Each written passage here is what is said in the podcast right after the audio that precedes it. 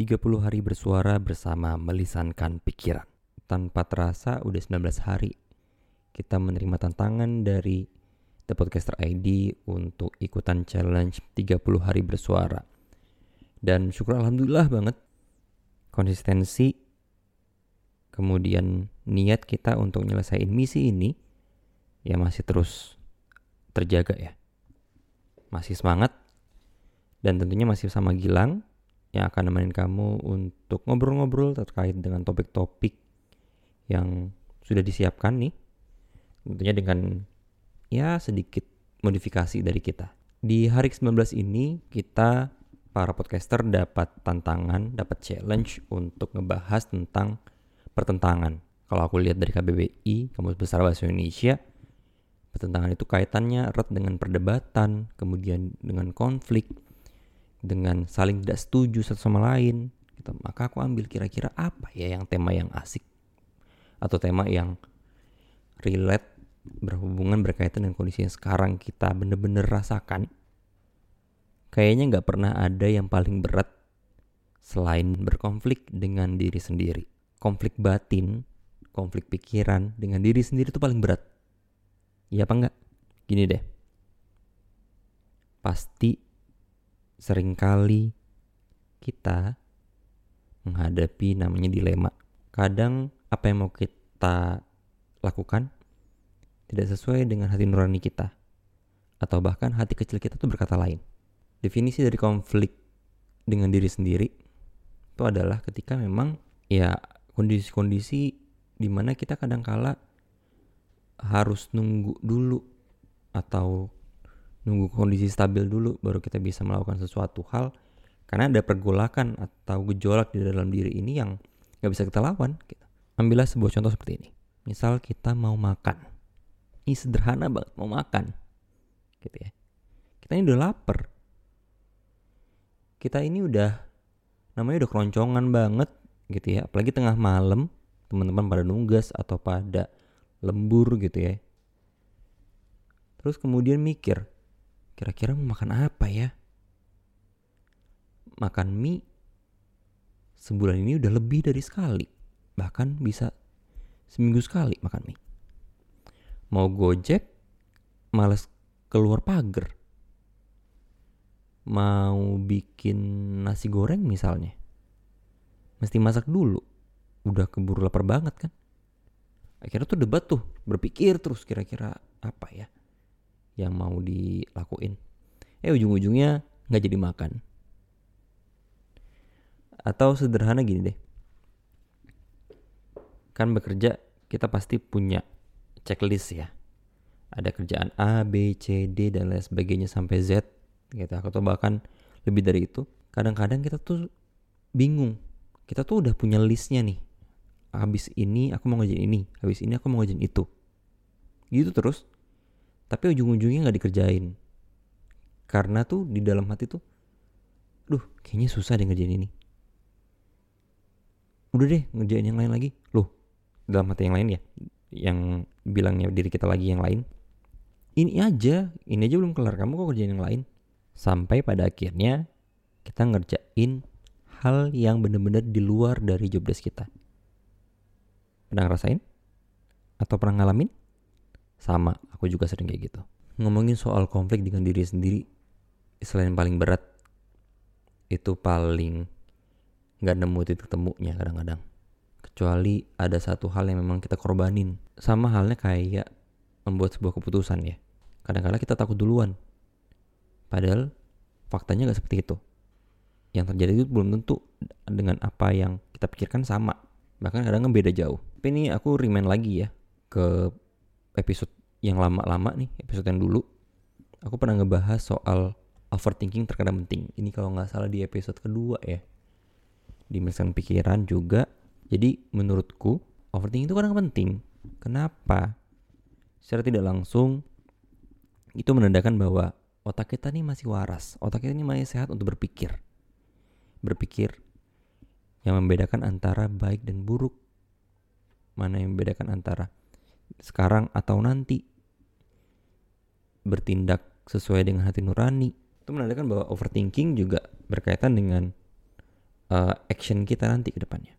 Selain itu juga berkonflik dengan diri sendiri. Itu bisa menandakan bahwa kita tuh sebenarnya orang orangnya sangat kritis. Menimbang-nimbang sesuatu hal sebelum melakukan.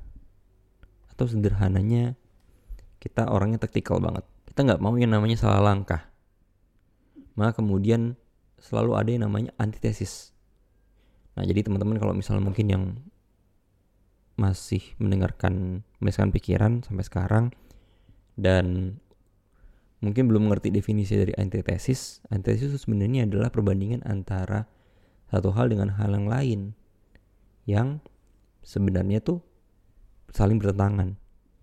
Sejauh-jauh kita ngomongin soal siang dan malam, hidup dan mati.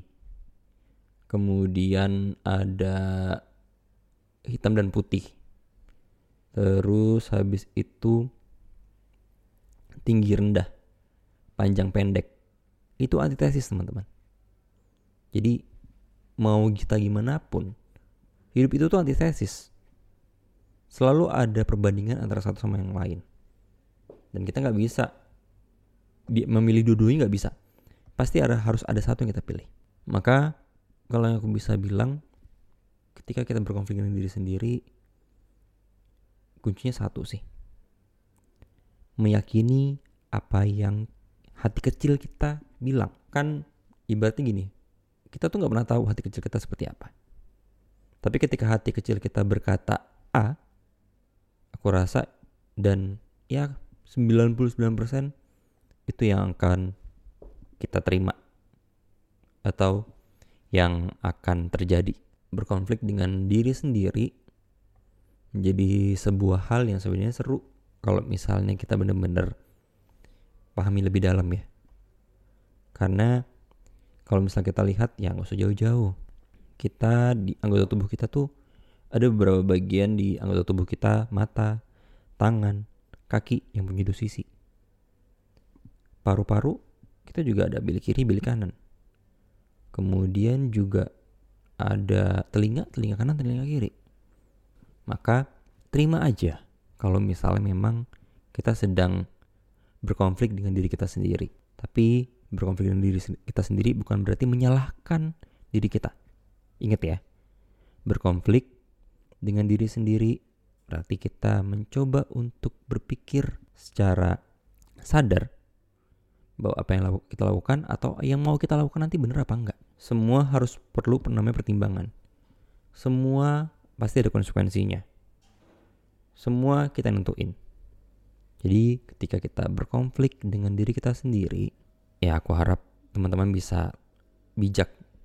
Teman-teman nggak perlu ini namanya khawatir untuk dikatakan overthinking karena ya overthinking terkadang penting sesekali ya, tapi jangan jadiin kebiasaan, jangan jadiin hobi. Pemikiran kita, tindakan kita itu satu kesatuan teman-teman. Jadi biarkan dulu teman-teman overthinking atau misalnya berpikir secara ya ada yang beranggapan berlebihan gitu ya, berspekulasi. Tapi ketika memang sudah mantap ya teman-teman percaya kalau misalnya pemikiran teman-teman itu yang terbaik untuk teman-teman. Dan pada akhirnya ketika kita misalnya percaya dengan apa yang kita yakini itu benar dan itu mendorong tindakan kita supaya bertindak dengan benar, maka ya secara tidak langsung kita udah siap untuk menerima konsekuensinya, baik dan buruknya seperti apa.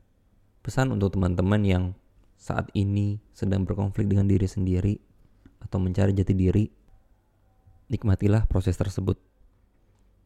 Karena pada hakikatnya di dunia ini itu nggak ada yang absolut.